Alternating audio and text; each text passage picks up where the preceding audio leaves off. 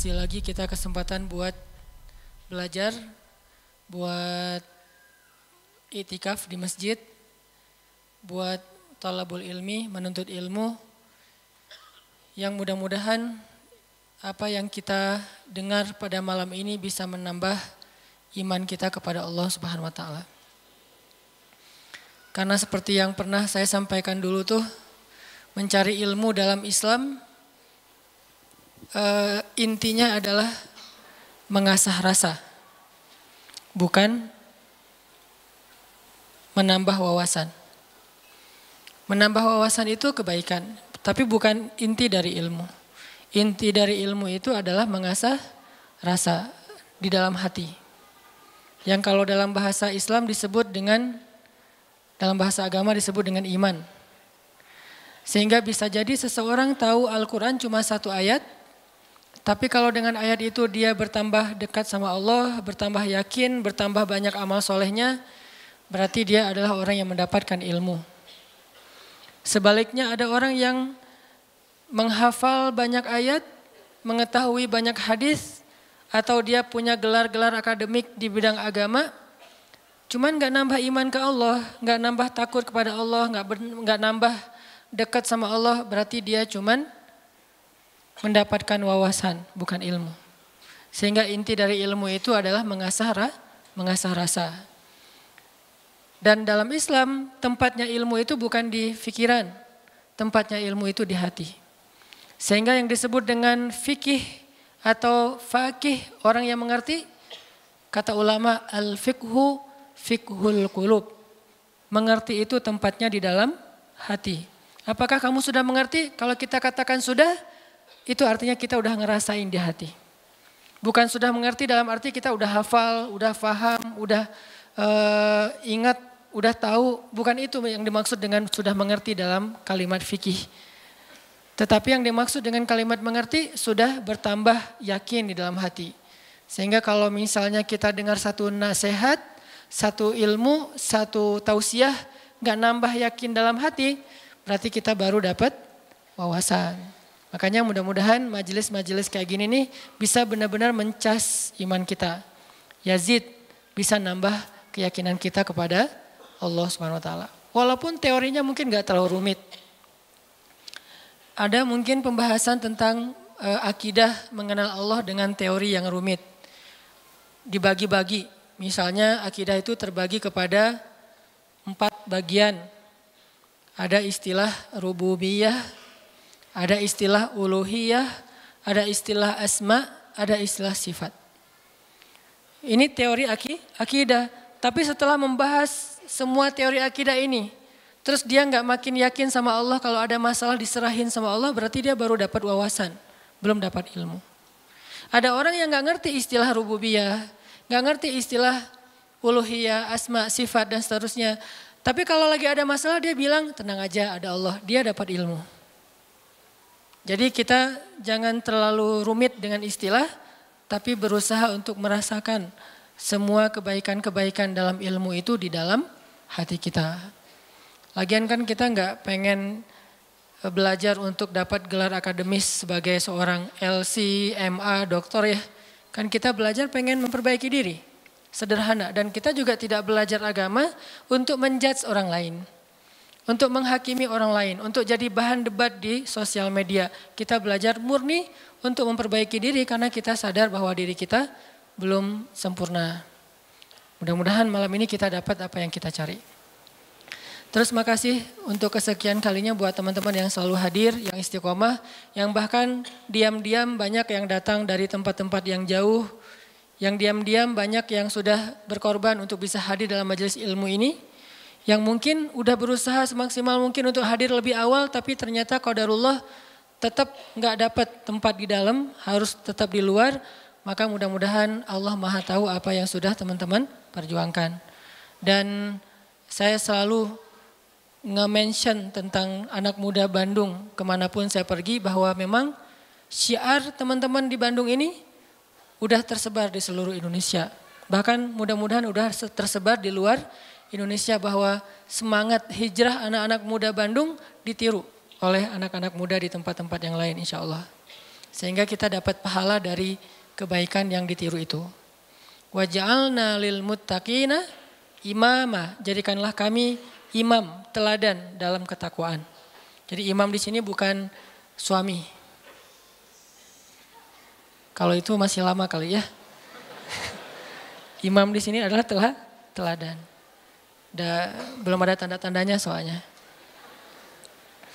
Baik teman-teman, malam ini kita akan bahas tema plesetan dari uh, salah satu grup band pada masanya.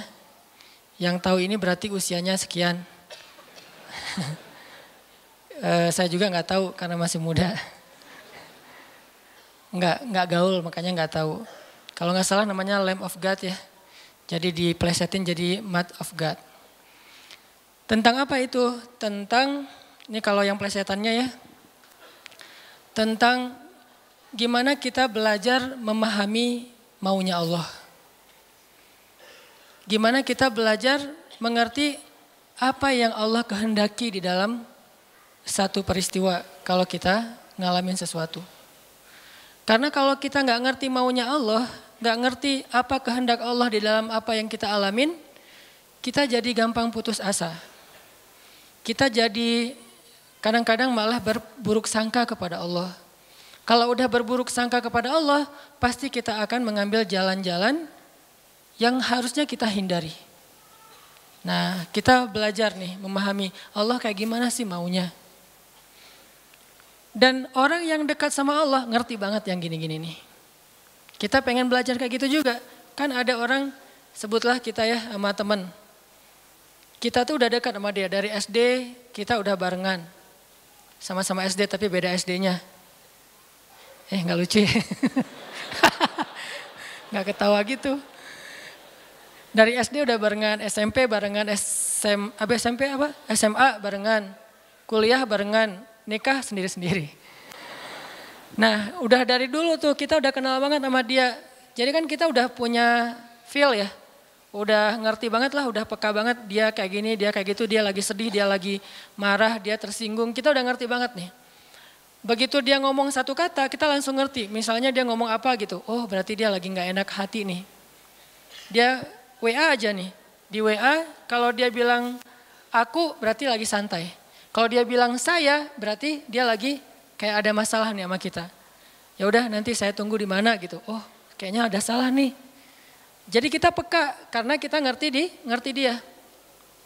Terus ada apa yang kita lakuin tuh kita ngelakukan sesuai dengan karena kita empati ya. Kita ngelakuinnya sesuai dengan apa yang nyaman buat dia. Terus kalau dia misalnya ngelakuin sesuatu kita ngerti kenapa dia melakukan itu. Enggak sampai seseorang suuzon. Kenapa ada orang suuzon sama dia karena nggak ngerti sama dia. Kenapa ada orang yang salah sangka karena nggak ngerti. Gitu juga kita ke Allah. Sahabat Nabi itu sangat mengerti Allah kayak gimana, Rasul kayak gimana. Sehingga ketika turun ayat Al-Quran, mereka bukan cuma ngerti teks atau makna dari ayat secara tekstual. Tapi mereka juga ngerti pesan di balik ayat itu. Ini berarti kita udah berusaha untuk berpikir dengan apa maunya Allah. Kalau bahasa agama dengan logika robbaniyah, bukan dengan logika ilmi, ilmiah, tapi robbaniyah, berpikir dengan logika Allah, bukan dengan logika kita doang.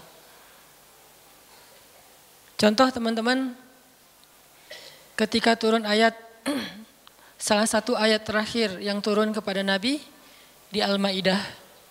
Al-yawma akmaltu lakum dinakum wa atmamtu alaikum ni'mati wa raditu lakumul Islam dinan. Hari ini telah aku sempurnakan untuk kalian nikmatku singkatnya dan aku ridhoi Islam sebagai agama bagi kalian. Ketika turun ayat ini, sebagian besar para sahabat bertakbir, Allahu Akbar, bahagia gitu.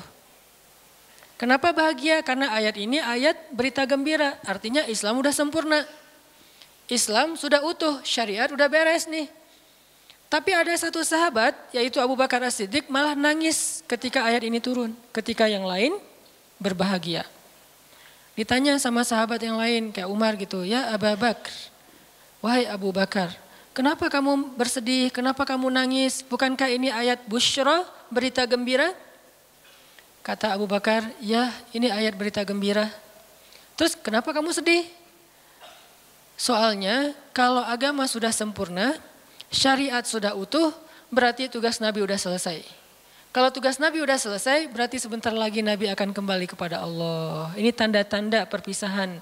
Bisa dibilang kalau haji itu ada haji wada, ayat juga ada ayat wada, ayat perpisahan. Salah satu ayat perpisahan surat Al-Maidah ini. Barulah para sahabat yang lain ngeh, realize, dan mereka pun menangis. Ini berpikir merasanya itu udah benar-benar peka. Kalau bahasa kemanusianya empati gitu. Kayak saya pernah jalan uh, sama istri. Sama istri.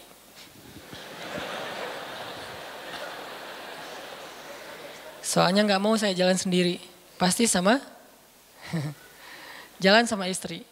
Terus diajak sama temen uh, makan seafood, ikan panggang. Istri saya tuh udah tahu kalau saya nggak biasa dan nggak nggak masuk nih kalau makan ikan panggang. Paling mentoknya ikan goreng atau ikan di asam pedas gitu ya, garang asam. Tapi kalau yang panggang nggak masuk. Diajak sama teman saya, Ustadz ada ikan panggang enak banget nih seafood, bener-bener makannya di samping laut. Saya kan gak enak nolak undangan ya. Oh ya boleh boleh. Istri saya langsung lirik-lirik. Dan dia nanya, ada yang digoreng nggak? Kenapa dia bisa langsung ngomong gitu? Kan tahu kan jawabannya? Nah, ada nggak yang ngerasain kita kayak gitu kalau lagi jalan? Belum ya? Duh, maaf ya salah ngomong. Yang empati sama kita, yang ngerti banget kita uh, maunya apa, nggak sukanya apa, dia langsung ngerti, langsung minta ikan goreng karena saya uh, tahu saya nggak bisa makan ikan panggang. Atau ada yang ngajak makan kayak ada terasinya, ada jengkolnya. Ini enak banget nih segala macam promo gitu. Saya diem aja. Kan nggak mungkin saya bilang saya nggak suka jengkol, nggak suka terasi. Ternyata menu favorit restoran itu justru jengkol sama terasi. Istri saya langsung mesen apa gitu. Ada telur goreng misalnya. Ini artinya udah ngerti dan berpikir merasa dengan cara empati tadi, peka. Bisa nggak kita ke Allah kayak gitu? Sehingga ketika Allah memberi kita satu hal yang kita sebut musibah, kita sebut kayak ujian, akhirnya kita tahu gimana eh, apa maunya Allah, apa ada yang ada di balik suatu peristiwa yang kita alamin. Ini penting teman-teman. Kenapa? Biar kita bisa belajar sabar, belajar husnuzon dan survive dalam satu masalah menggunakan logika Allah. Nah, untuk itu kita coba angkat satu kisah di dalam Al-Quran yang menjelaskan tentang matematikanya Allah ini ada di dalam surat Al-Anfal. Coba teman-teman buka surat ke-8, surat Al-Anfal, kita tilawah beberapa ayat pertama, kita lihat nih logika Allah ketika kayak bentrok dengan logika hambanya. Yaitu surat Al-Anfal ayat ayat 5. Kita baca ayat 5 sampai ayat 8. Ini salah satu peristiwa ketika logika Allah kayak bentrok dengan logika manusia. Kepengennya Allah beda sama kepengennya hamba. Terus apa yang dilakukan hamba itu? Terus apa hasil setelah itu? Kita coba baca ayat 5 sampai ayat 8. أعوذ بالله من الشيطان الرجيم. Silahkan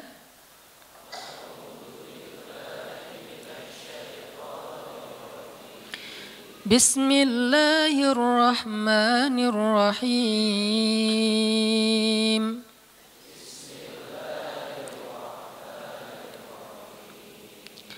كما أخرجك ربك من بيتك بالحق.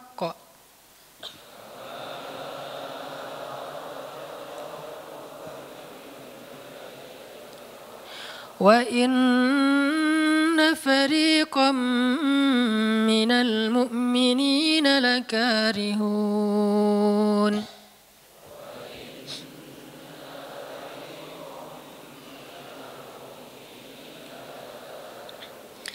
يجادلونك في الحق بعدما تبين كأنما يساقون إلى الموت.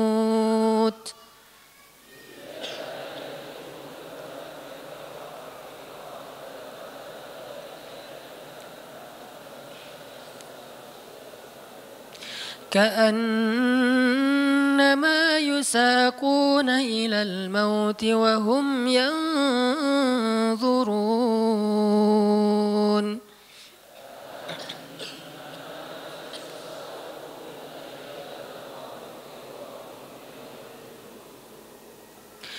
وإذ يعدكم الله إحدى الطائفتين أنها لكم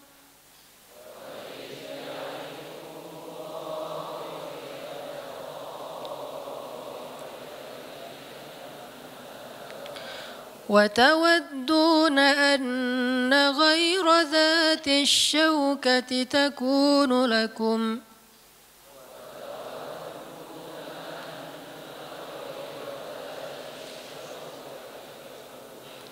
ويريد الله أن يحق الحق بكلماته ويقطع دابر الكافرين.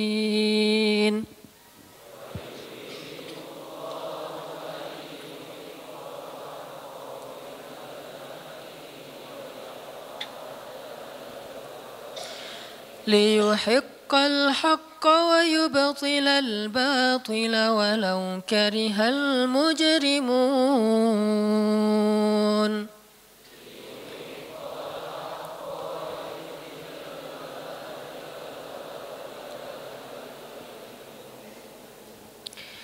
yaitu sebagaimana Tuhan kalian telah menyuruh kalian untuk pergi dari rumah kalian dengan sebenar-benarnya.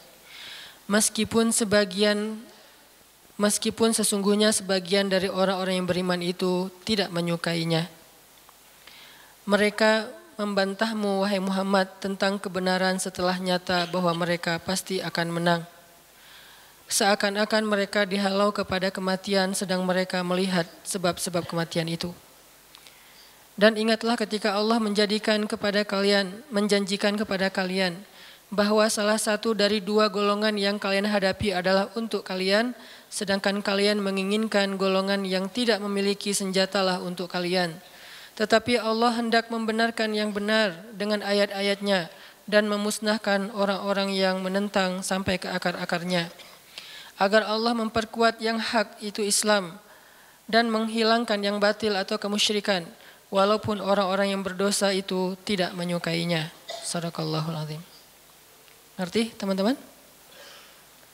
Agak kurang jelas ya. Kenapa kurang jelas? Karena kita e, mungkin sebagian belum membaca kisah yang ada di dalam ayat ini. Salah satu tips paling gampang kalau kita pengen ngerti ayat Al-Quran, baca dulu sejarah yang berkaitan dengan ayat itu. Kalau dalam ilmu tafsir itu disebut dengan asbabun nuzul. E, peristiwa-peristiwa yang menyebabkan turunnya ayat tersebut. Contohnya surat Al-Anfal. Kalau teman-teman pengen ngerti surat Al-Anfal, coba sebelum baca surat Al-Anfal, baca dulu peristiwa Perang Badar secara lengkap. Nanti di buku sejarah tuh ada Perang Badar, cari yang paling tebal biar nanti pas kita baca detail, banyak hal-hal kecil yang kita jadi ketahuan baca surat uh, baca peristiwa perang Badar, setelah berkali-kali baca udah ngerti banget kayak nonton film berkali-kali sampai hafal. Setelah itu coba baca surat Al-Anfal. Pasti beda. Seolah-olah kita ngalamin ketika ayat itu turun. Itulah bedanya sahabat sama kita. Mereka lebih mengerti Al-Quran karena mereka ngalamin. Nah kita kan cuma membaca teks sejarah tidak mengalami. Tapi kalau kita baca sejarah berkali-kali lalu baca Al-Anfal itu akan lebih berasa itu yang saya alami. Nah, termasuk ayat yang tadi kita baca. Apa sih yang terjadi sampai turun ayat kayak gini? Yang terjadi dulu di tahun kedua setelah Nabi hijrah ke Madinah, orang-orang Mekah yang dipimpin oleh Abu Sufyan mau berdagang ke Syam. Apa yang mereka bawa dalam karavan dagang? harta-harta orang Islam yang dirampas ketika orang Islam hijrah ke Madinah. Jadi kayak misalnya Abu Bakar hijrah ke Madinah, harta Abu Bakar yang ditinggalin di Mekah itu dirampas sama Abu Sufyan. Terus ada Suhaib bin Amr Ar-Rumi hijrah ke Madinah. Semua harta yang ditinggalkan di Mekah, pasarnya, eh, ladangnya, eh, ternak-ternaknya diambil oleh Abu Sufyan lalu didagangkan ke Syam. Nah, setelah dua tahun kaum muslimin berada di Madinah, dapat kabar nih kalau Abu Sufyan dan karavan dagangnya baru pulang dari Syam membawa keuntungan hasil dagang harta kaum muslimin yang dirampas di Mekah. Berarti yang dibawa oleh Abu Sufyan harta siapa? Harta kaum muslimin ya, harta sahabat. Sehingga Nabi mengatakan, mari kita cegat Abu Sufyan yang ngelewatin jalur dekat kota Madinah karena emang itu jalur lintas eh, apa antar negara. Mari kita cegat Abu Sufyan dan kita ambil kembali hak kita. Itu tawaran Nabi kepada orang-orang muhajirin. Makanya bisa dibilang perang Badar ini perang khusus buat orang muhajirin. Orang Ansor nggak boleh ikut.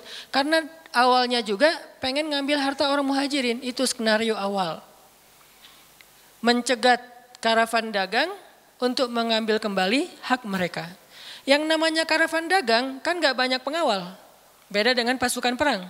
Paling-paling pengawalnya 10-20 dibandingkan sahabat yang 300 orang, ah ini kecil. Sedangkan keuntungannya kalau berhasil mencegat besar. Jadi tantangannya, resikonya kecil, keuntungannya besar. Ini skenario awal. Sehingga para sahabat semangat Udah dua tahun kita kelaparan, udah dua tahun kita nggak punya apa-apa, bergantung kepada orang Ansor, nggak enak sama orang Ansor. Masa makan terus di rumah orang? Nah sekarang kebetulan harta kita lewat nih, ya udah kita rampas lagi. Itu skenario A awal. Udah siap-siap nih, udah siap-siap mau berangkat jalan.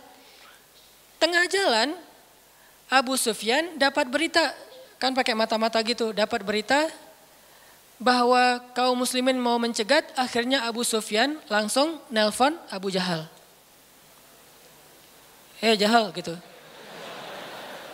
Nelpon Abu Abu Jahal dan sinyalnya bagus lagi waktu itu, langsung telepon, nggak putus-putus. Kita mau dicegat nih, coba kamu kirim pasukan untuk melindungi karavan dagang. Soalnya harta yang kami bawa juga ada hak kamu di situ, jadi diiming-imingi.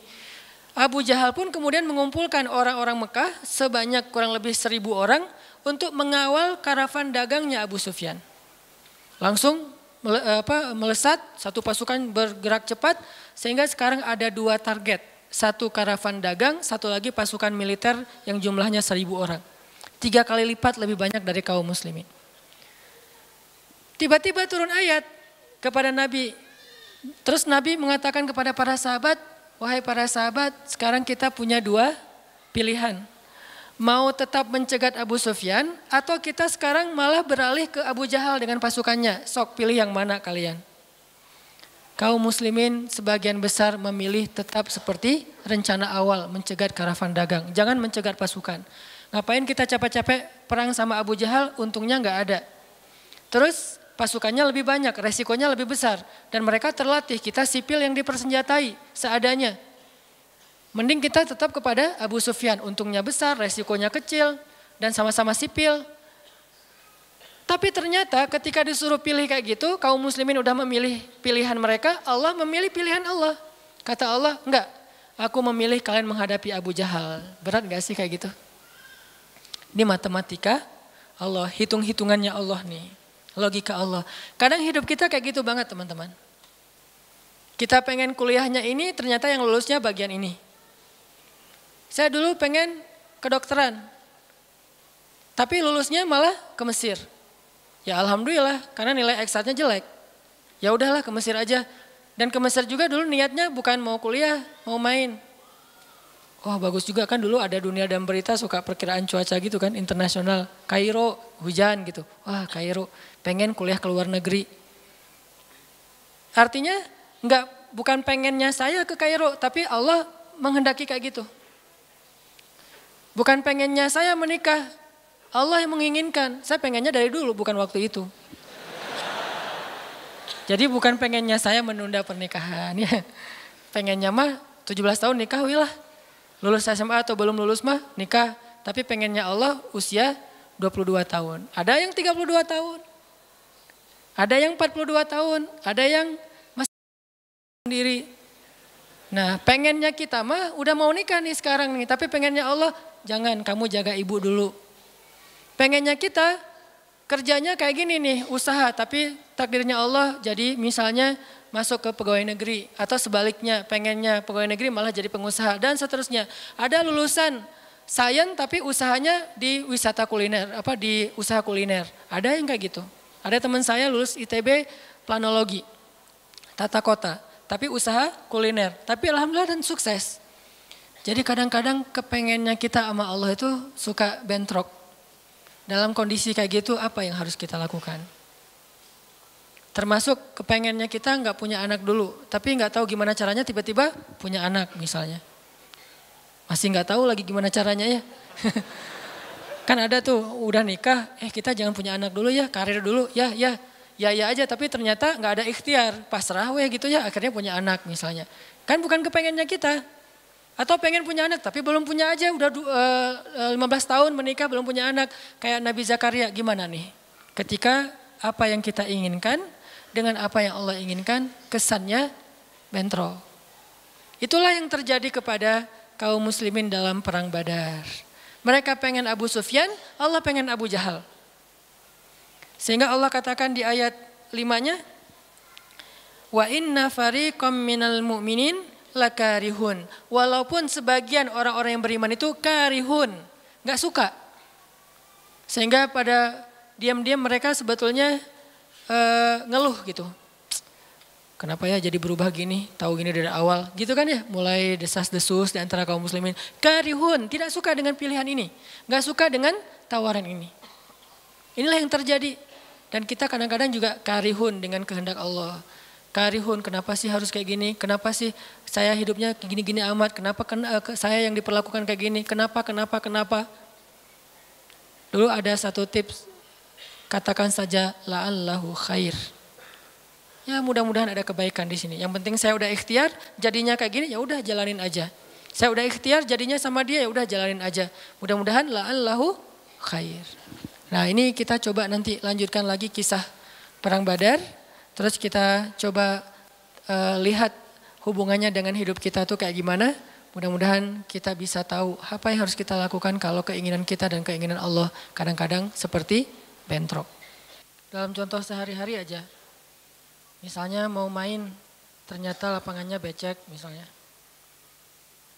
Kalau buat anak-anak BMX atau skate mau ngetrik ternyata lagi cedera. Atau mau jalan sama seseorang, eh hujan misalnya. Apain lagi? Uh, mau beli handphone baru, Ternyata usaha kita yang tadi kita udah pikirin ada untungnya malah rugi. Mau jalan-jalan keluar kota pasangannya sakit. Dan banyak kadang-kadang penyebabnya sepele banget. Tapi bikin kita kecewa. Nah gimana caranya kalau kondisinya kayak gitu? Sama kayak para sahabat dulu dalam uh, perjalanan umroh. Pengen umroh ternyata udah sampai di perbatasan kota Mekah, nggak boleh masuk, disuruh pulang lagi ke Madinah. Itu kan diceritain dalam surat Al-Fat ya.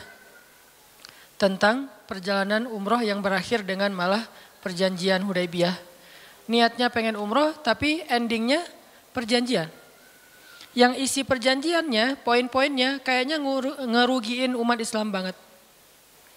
Tapi kan Allah punya rencana dan rencana Allah pasti yang terbaik daripada rencana kita. Masalahnya gimana kita bisa ridho, bisa rela kalau kondisi itu terjadi dalam hidup kita. Kita sih yakin, ah ini adalah qadarullah, keinginan Allah. Tapi bikin kita yakin itu jadi berbuah, yakin itu kan kayak pohon ya. Iman itu adalah po, pohon. Gimana biar pohon ini berbuah? Salah satu buahnya itu adalah sifat ridho, sifat nerima. Sehingga dengan sifat ridho itu akhirnya kita punya kebaikan, kebaikannya jadi uh, bisa survive, tenang hadapi masalah. sabar dan seterusnya dan seterusnya. Nah, gimana caranya? Setelah kita dapat sesuatu, kita yakin kepada Allah terus jadi ridho. Nah, ini belajar matematikanya Allah Subhanahu wa taala. Dan itulah yang terjadi dalam perjanjian Hudaibiyah, terjadi kepada Siti Maryam yang tadi dibacain suratnya. Maryam gak pengen punya anak tanpa suami. Kalaupun harus punya anak, nikah dulu. Tapi Allah punya rencana lain. Rencana manusia punya anak setelah nikah. Lagian Maryam lagi belum siap menikah nih. Belum ada cowok yang pantas buat Maryam. Justru karena itulah Allah beri dia anak tanpa laki-laki, tanpa suami. Kenapa? Enggak ada suami yang pantas buat Maryam. Mungkin satu-satunya lelaki yang pantas buat Maryam cuma Nabi Muhammad. Tapi kan beda zaman. Masa Maryam harus nunggu Nabi Muhammad 300 tahun lagi kan ya? Nah, ternyata karena nggak ada yang pantas buat dia, akhirnya dia punya anak tanpa harus melalui seorang suami. Mungkin kita terlalu soleh sehingga nggak ada yang pantas buat kita. Pantasnya cuma bidadari, ya udah di akhirat nikahnya. Husnuzannya mah ya. Mungkin di atas nih nggak ada yang pantas jadi imamnya, soalnya terlalu solehah. Jadi jadi imam juga kayak ragu gitu. Aduh ngimamin dia hafalannya udah luar biasa. Bacaannya lebih bagus. Guru tahsin lah gitu. Saya baru belajar pratahsin. Masa mau jadi imam seorang cewek yang guru tahsin. Karena dia terlalu keren akhirnya nggak ada yang pantas buat dia nih. Maryam kayak gitu banget. Karena terlalu keren, terlalu soleh sampai ulama aja ragu Maryam ini nabi atau bukan gitu. Sehingga ada dua pendapat ulama, sebagian bilang Maryam bukan nabi, orang soleh. Tapi ada ulama yang bilang Maryam itu emang nabi, satu-satunya nabi dari cewek. Satu dari empat perempuan yang sempurna. Dan di antara empat itu kayaknya menurut sebagian ulama Maryam nomor satu tuh. Walaupun secara usia Asia, Maryam, Khadijah, Fatimah. Tapi Maryam itu paling keren lah. Tiba-tiba hamil, datang cowok keren, baju putih, jubah putih, uh, auranya tuh luar biasa. Pokoknya cowok paling keren aja. Sampai Maryam kaget dan bertawuz. Inni a'udzu birrahmani minka in kunta Aku berlindung kepada Allah dari kamu. Ketemu cowok keren malah berlin, berlindung bukan bersyukur coba. Duh keren banget ya. Astagfirullah, auzubillah gitu kan ya. Nih Maryam nih. Duh ceweknya keren banget. Udah lama ngelihat baru auzubillah enggak. Dari awal auzubillah. Kenapa ada pasangan di sebelah gitu. Ada istrinya. Nah Maryam langsung ta'awuz inni rahman minka in kunta Kata Jibril, cowok keren itu ternyata namanya Gabriel. Kata Gabriel, uh, innama ana rasulu rabbik liahabalaki gulaman zakiya. Jangan takut Maryam, aku itu utusan Tuhanmu Artinya malaikat yang pengen ngasih kamu anak yang sangat suci. Kata Maryam, Anna yakunu li gulam, gimana saya akan punya anak walam yamsasni basyarun. Gak ada seorang laki-laki pun yang pernah nyentuh saya, nyentuh aja gak pernah. Walam aku bagiya dan saya juga tidak pernah merendahkan diri depan laki-laki artinya berbuat dosa. Anna yakunu li gulam, gimana caranya saya punya anak? Kata Jibril, Kadzaliki qala rabbuki huwa alayya hayyin. Itu udah kehendak Allah, kehendak Allah. Dan itu hayyin, mudah banget buat Allah Subhanahu taala. Sepele banget lah buat Allah. Fahamalat tiba-tiba Maryam hamil. Fantabadat bihi makanan qasiya. Karena Maryam malu ketahuan hamilnya, akhirnya Maryam pun pergi ke suatu tempat yang terpencil qasiya, aqsa. Aqsa itu artinya tempat yang jauh Masjidil Aqsa disebut Al-Aqsa karena dia jauh dari Masjidil Haram. Kalau Madinah kan dekat. Masjid yang paling mulia kan ada tiga itu ya, Mekah, Madinah, Palestina. Nah dia disebut Aqsa karena tempatnya jauh. Makanan kosiyah, tempat yang sangat jauh, terpencil, nggak ada siapa-siapa. Fantabadat bihi makanan kosiyah. Uh, Fa'aja ahal makhadu. Tiba-tiba dia udah harus ngelahirin setelah sekian bulan, mungkin sembilan bulan. Qalat dia bersandar di sebuah pohon, kemudian dia berkata, "Ya laitani mitu qabla hadza wa kuntu nasyam mansiya." Dia uh, apa ya? Kayak orang menya menyampaikan satu bentuk kalimat sedih. Kayak kalau bahasa sederhananya kayak ngeluh gitu. Ya laitani mitu qabla hadza. Aduhai seandainya aku mati aja daripada harus menanggung malu kayak gini. Maryam itu kan pemalu banget. Mahkota uh, sifat malu itu dipakai banget sama Maryam. Makanya ketahuan nggak hamil nggak punya suami itu buat Maryam pukulan paling luar biasa, telak banget. Walaupun dia nggak berbuat dosa, tapi tetap aja orang kan ngata-ngatain dia. Ditambah lagi Bani Israel, tahu sendiri kan Bani Israel suka banget viralin fitnah. Ada apa viral langsung di Bani Israel teh. Maryam hamil di luar nikah, viral. Semua orang ngomongin, mana, mana Maryam, mana Maryam. Terus rumahnya tuh dilemparin batu karena dianggap sebagai pembawa sial bagi Bani Israel. Dasar Maryam ngaku-ngakunya suci, sok suci segala macam. Sehingga Maryam bilang, ya laitani mitu qabla hadha. Aduhai seandainya saya mati aja sebelum ini terjadi pada saya. Walam apa uh, sehingga saya menjadi orang yang tidak pernah dibicarakan oleh siapa pun. Sedih. Berarti pengennya Maryam beda dengan pengennya Allah. Secara emosional, secara manusiawi, secara fitrah ada penolakan dan itu manusiawi. Maria menolak. Begitu juga sahabat muhajirin. E, wa inna fariqam minkum lafa, apa, lakarihun. E, minhum lakarihun. Walaupun sebagian kalian itu dalam keadaan karih, menolak, nggak suka. Emangnya kita mau nerima musibah? Pasti kita nolak kan secara uh, spontan, fitrah, manusiawi, nolak. Ya laitani mitu qabla hadha wa kuntu nasyan mansiya. Aduhai seandainya aku mati aja sebelum kejadian ini terjadi padaku sehingga nggak ada orang yang ngomongin tentang aku. Jadi nggak ada trending topik tentang Maryam waktu itu. Dia berharap kayak gitu. Semua berita buka channel mana aja Maryam, Maryam, Maryam. Asal buka Instagram yang muncul duluan di di home tuh Maryam. Viral banget, semua orang ngomongin Maryam. Sehingga Maryam bayangin, semua orang ngomongin kita se-Indonesia. Karena emang sebelumnya kan Maryam memang selebgram banget kan. Semua orang pengen nge-following Maryam. Jangankan yang cewek-cewek, yang cowok juga pengen nge-following Maryam. Cuman gak ada yang pantas.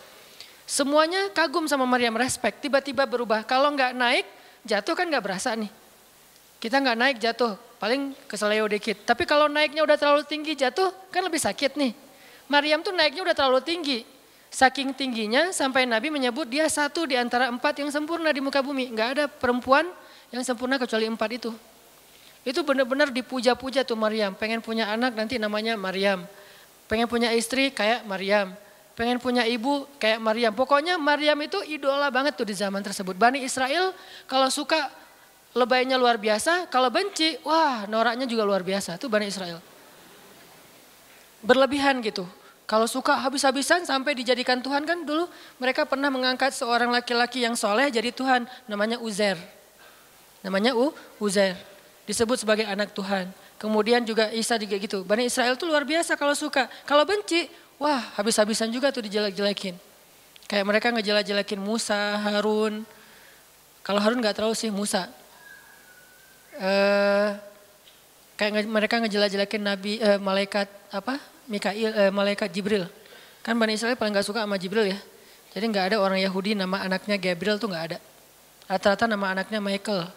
Karena mereka senang banget sama Mikail, gak suka sama Jibril. Kenapa? Jibril itu kalau turun pasti bawa perintah. Wahyu kan? Ah Jibril mah hese, bawa perintah wahyu gitu. Bawel Jibril menurut mereka. Kalau Mikail keren, bawa rezeki, bawa rahmat, bawa apa. Sehingga mereka senangnya sama Mikail. Dibikinlah film uh, jin versus Gabriel. Malah nggak yang baik itu waktu itu jin. Kan banyak tuh film-film kayak gitu tuh. Itu memang uh, dari dulu kayak gitu. Nah Maryam naik tinggi, dipuja-puja semua orang. Maryam, kalau ketemu Maryam, fallback dong, fallback dong, gitu-gitu pada. Wah pokoknya heboh aja sama Maryam. Tiba-tiba ada kasus, Maryam kan jatuhnya dalam banget sehingga Maryam tuh nggak nggak siap perasaannya. Bukan karena dia sombong dan senang dipuja, tapi memang dia orang yang selama ini nggak melakukan kesalahan apa pun, tiba-tiba dihadapkan dengan tuduhan yang sangat-sangat menyedihkan. Mirip dengan yang dialamin oleh Aisyah dituduh selingkuh. Orang sekelas Aisyah dituduh selingkuh kan berat banget. Kita aja dituduh macam-macam udah wah sedih kan apalagi Aisyah sekelas Aisyah yang terjaga dituduh selingkuh. Maryam terjaga dituduh selingkuh. Ternyata diam-diam Maryam banyak banget ada versi gosip dia melakukannya dengan rahib ada gosip melakukannya sesama murid di Al-Aqsa, ada gosip melakukan dengan Zakaria, banyak gosip. Berat banget buat Maryam sehingga Maryam mengatakan ya laitani mittu qabla hadza wa kuntu nasyan mansiya. Aduhai seandainya aku mati aja. Aduhai seandainya dulu aku nggak bikin akun Instagram, pasti nggak akan jadi apa-apa gitu. Nyesel udah punya ah, akun. Udah gitu banyak lagi yang ngomongin. Akhirnya turun ayat. Turun lagi Jibril. Turun malaikat. فناداها من تحتها ألا تحزني قد جعل ربك تحتك سريا Dipanggillah Maryam oleh malaikat itu. Ya Maryam, la tahzani. Kalau Abu Bakar, la tahzan. Kalau Maryam, la tahzani. Dua orang yang disebutkan kalimat la tahzan di dalam Al-Quran. La tahzan, innallaha ma'ana. Siapa? Abu Bakar. Kalau Maryam, la tahzani, qad ja'ala rabbuki tahtaki sariya. Jangan sedih wahai Maryam, gak usah khawatir. Allah udah memunculkan mata air di bawah kakimu. Artinya Allah yang akan merawat kamu, Allah yang akan ngebelain kamu, Allah yang akan deketin kamu, Allah bersama kamu wahai Maryam. Apa pelajarannya di sini teman-teman? Ketika Allah menggunakan logikanya yang kita tidak uh, bayangkan, yang awalnya kita tolak, itu artinya Allah sedang memberikan kita kesempatan hanya akan ditolong oleh Allah saja, tidak oleh makhluk. Ketika Allah menempatkan kita dalam satu uh, situasi yang sulit, yang sampai bikin kita kehabisan ide nih gimana cara keluar dari situasi ini, itu berarti Allah lagi ngasih kita kesempatan masuk dalam sebuah situasi yang tidak ada yang bisa nolong kita kecuali Allah. Allah pengen nolong sendiri.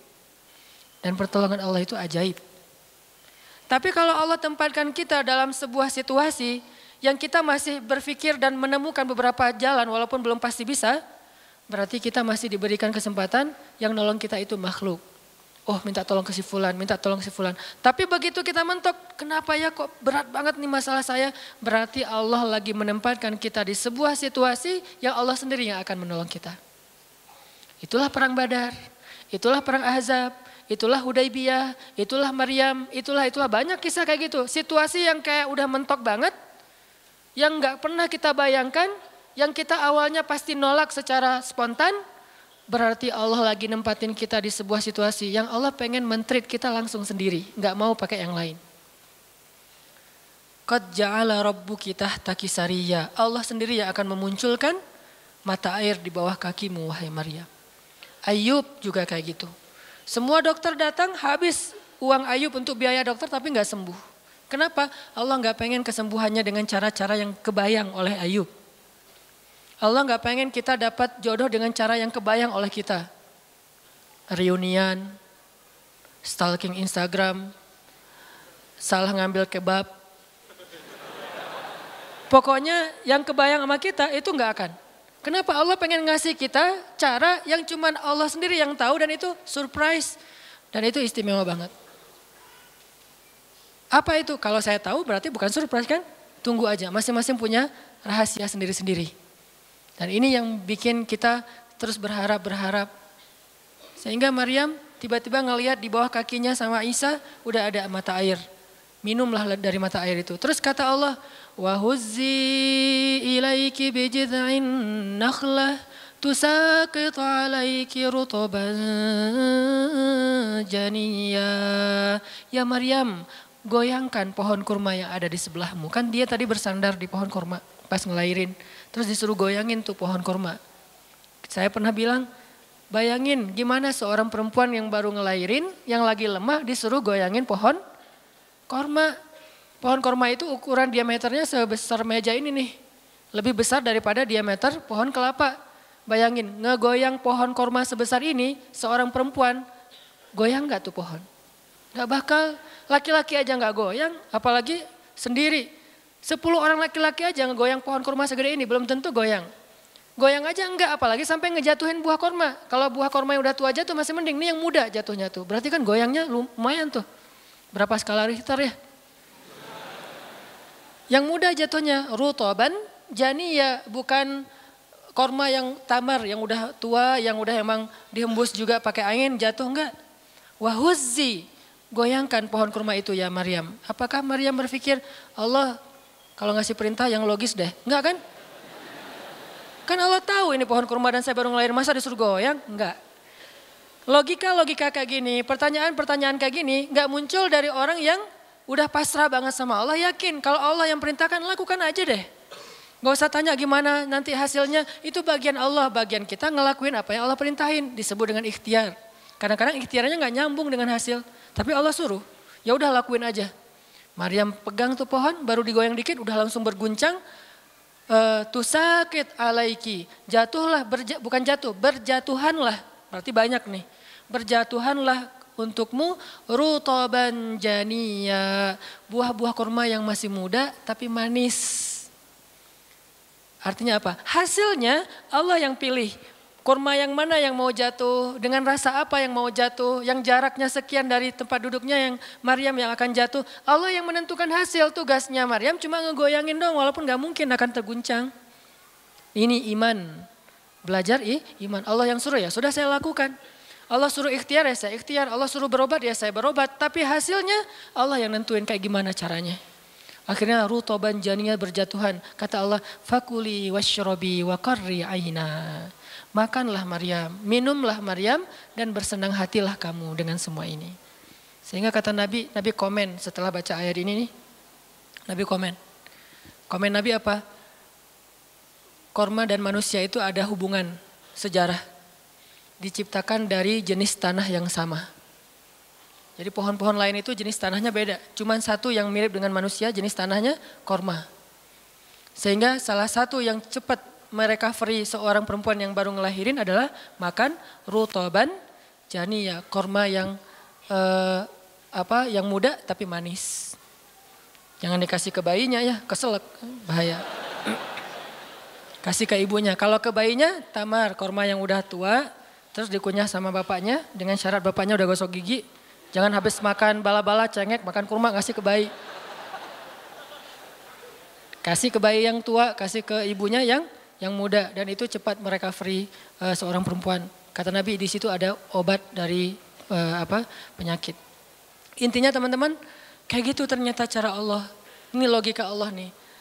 Sehingga ketika kaum muslimin balik lagi ke surat Al-Anfal dihadapkan dengan satu pilihan yang mereka nggak pernah ngebayangin dan secara Eh, secara spontan karihun menolak maka Allah Subhanahu wa taala menyampaikan kenapa Allah memilih itu?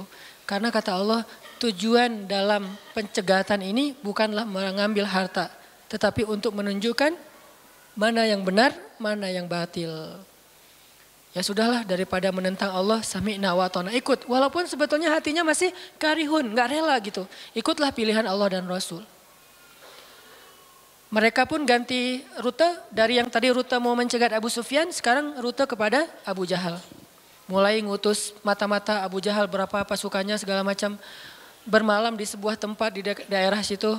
Malamnya Nabi itu nggak bisa tidur. Nabi sepanjang malam beristighosah. Jadi istighosah itu teman-teman salah satu di antara sunnah-sunnah Nabi SAW. Apa istighosah artinya? Doa yang sangat lama. Nabi malam itu sama Abu Bakar berdua nggak tidur. Yang lain pada tidur kan besok mau perang nih. Malam ini mereka tidur, besok mau tanding aja disuruh tidur kan ya. Apalagi besok mau apa? Perang. Tidur, wajib tidur.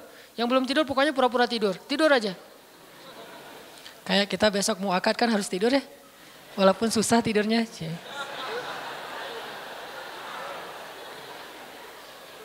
Pokoknya kalau mau akad nggak bisa tidur teman-teman. Ngapain? Ngafal aja. Saya terima, saya terima kok. Nanti takut salah saya tolak kan bahaya.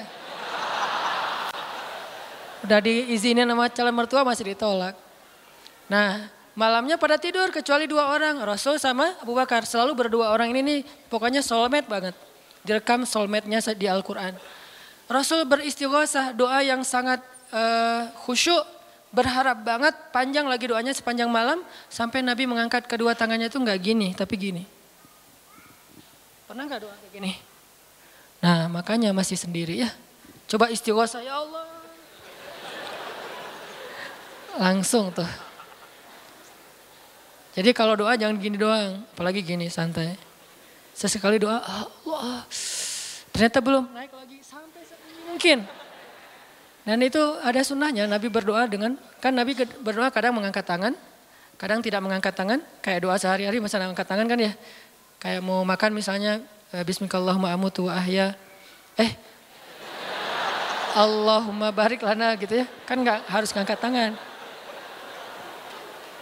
Sarewai ini.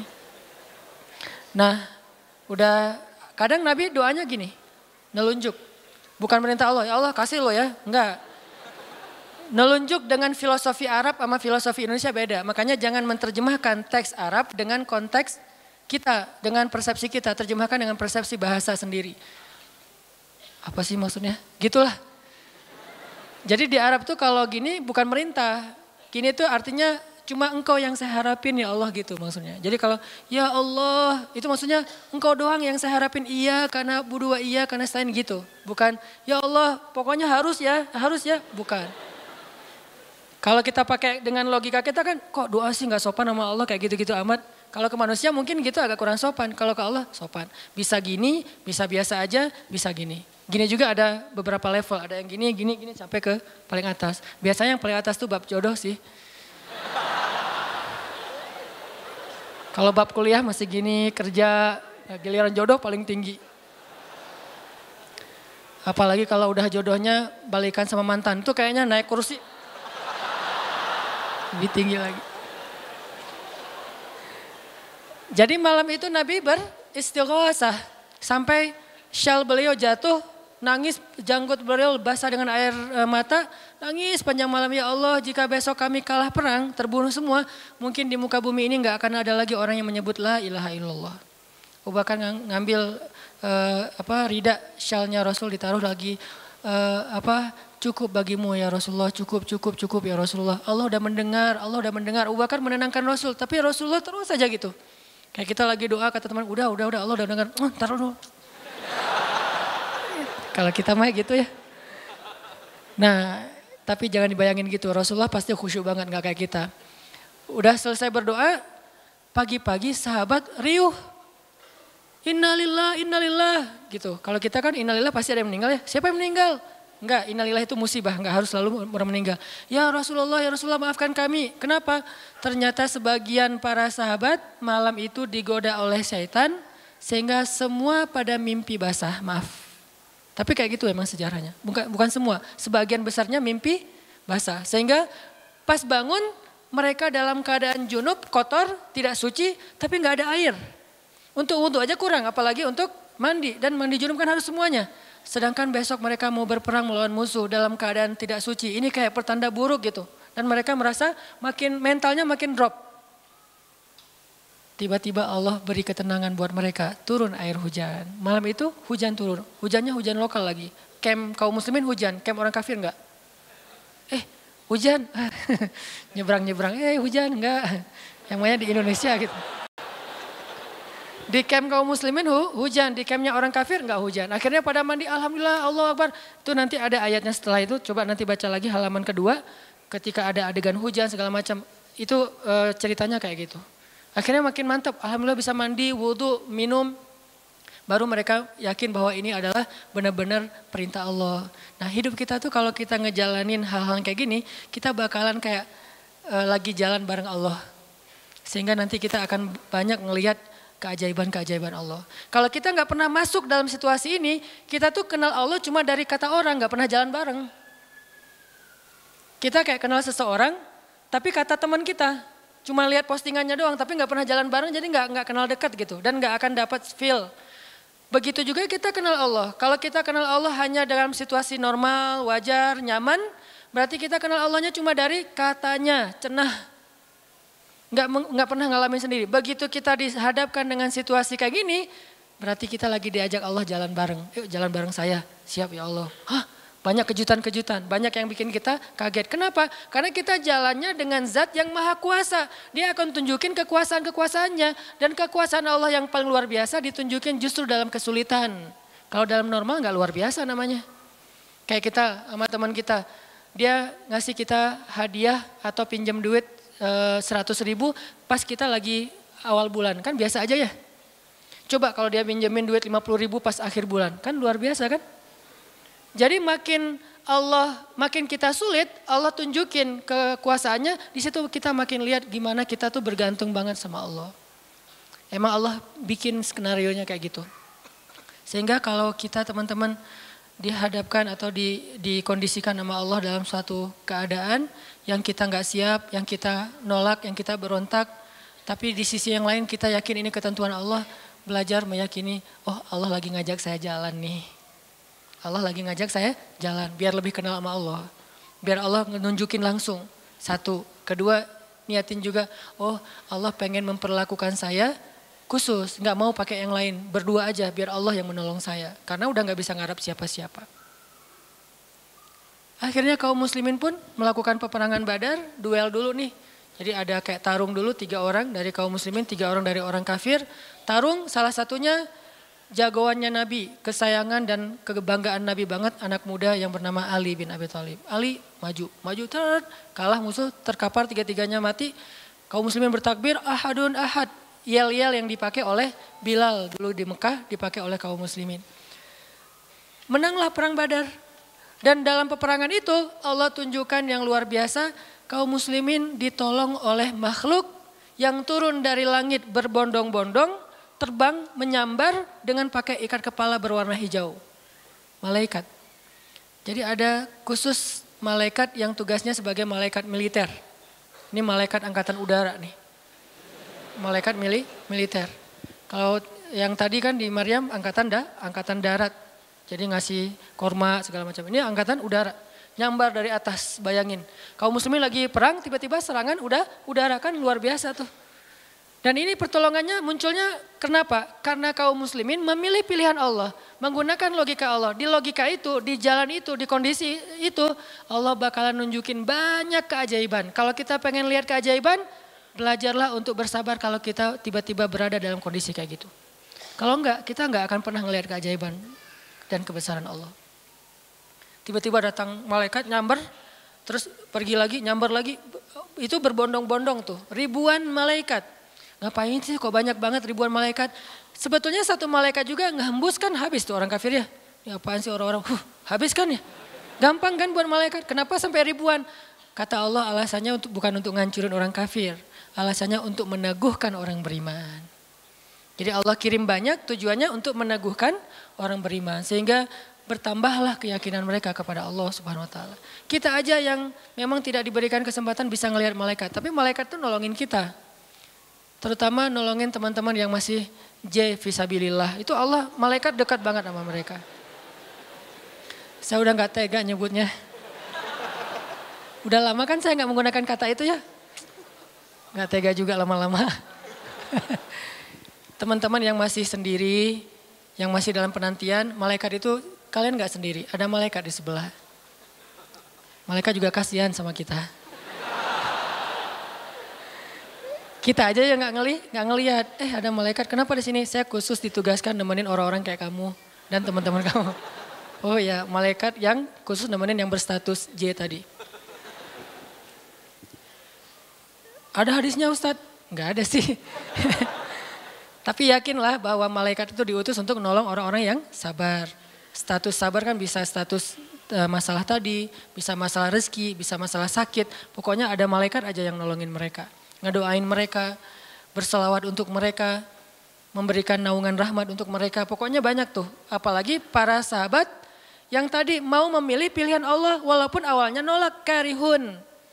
Karena udah milih pilihan Allah, Allah berikan pertolongan yang luar biasa. Mungkin kalau tadi mereka maksain pilihan sendiri, bisa jadi dua-duanya nggak dapat. Abu Jahal nggak dapat, Abu Sufyan nggak dapat, nggak dapat apa-apa. Untungnya mereka bersabar memilih pilihan Allah. Itulah hidup. Makanya teman-teman, kalau pas kita dapat satu musibah atau satu masalah, satu ujian, kehilangan sesuatu, itu berarti kita dikasih kesempatan untuk ngedapetin sesuatu yang lebih baik. Gimana caranya? Berhusnuzon kepada Allah. Karena kata Allah, Ana indah zanni abdi bi. Aku tergantung prasangka hambaku kepadaku.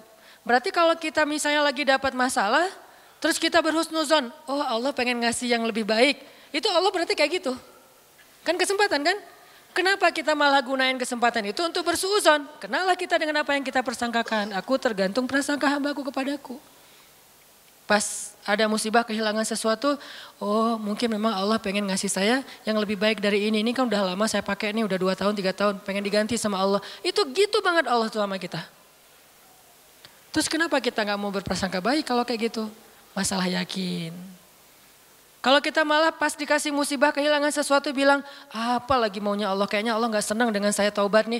Maka Allah juga akan memperlakukan kita kayak kita prasangkain.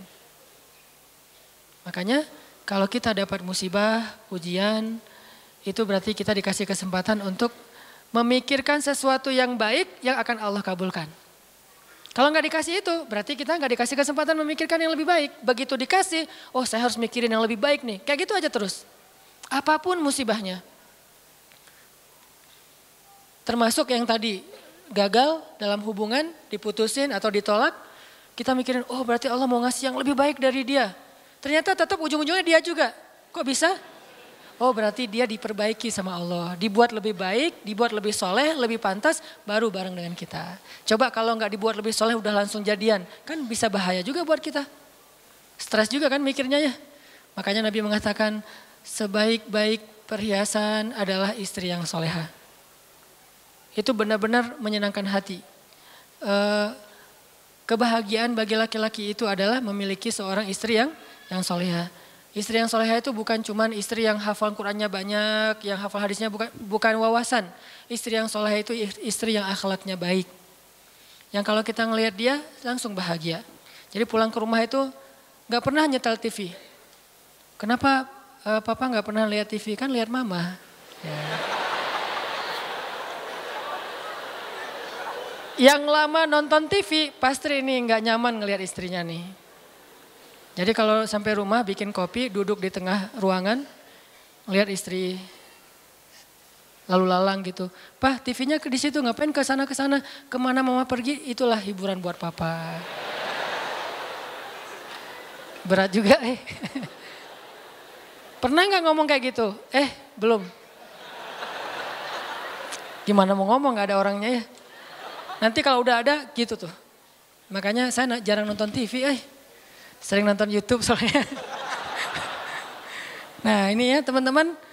Jadi kita berprasangka begitu dikasih musibah, oh berarti Allah pengen ngasih yang lebih baik.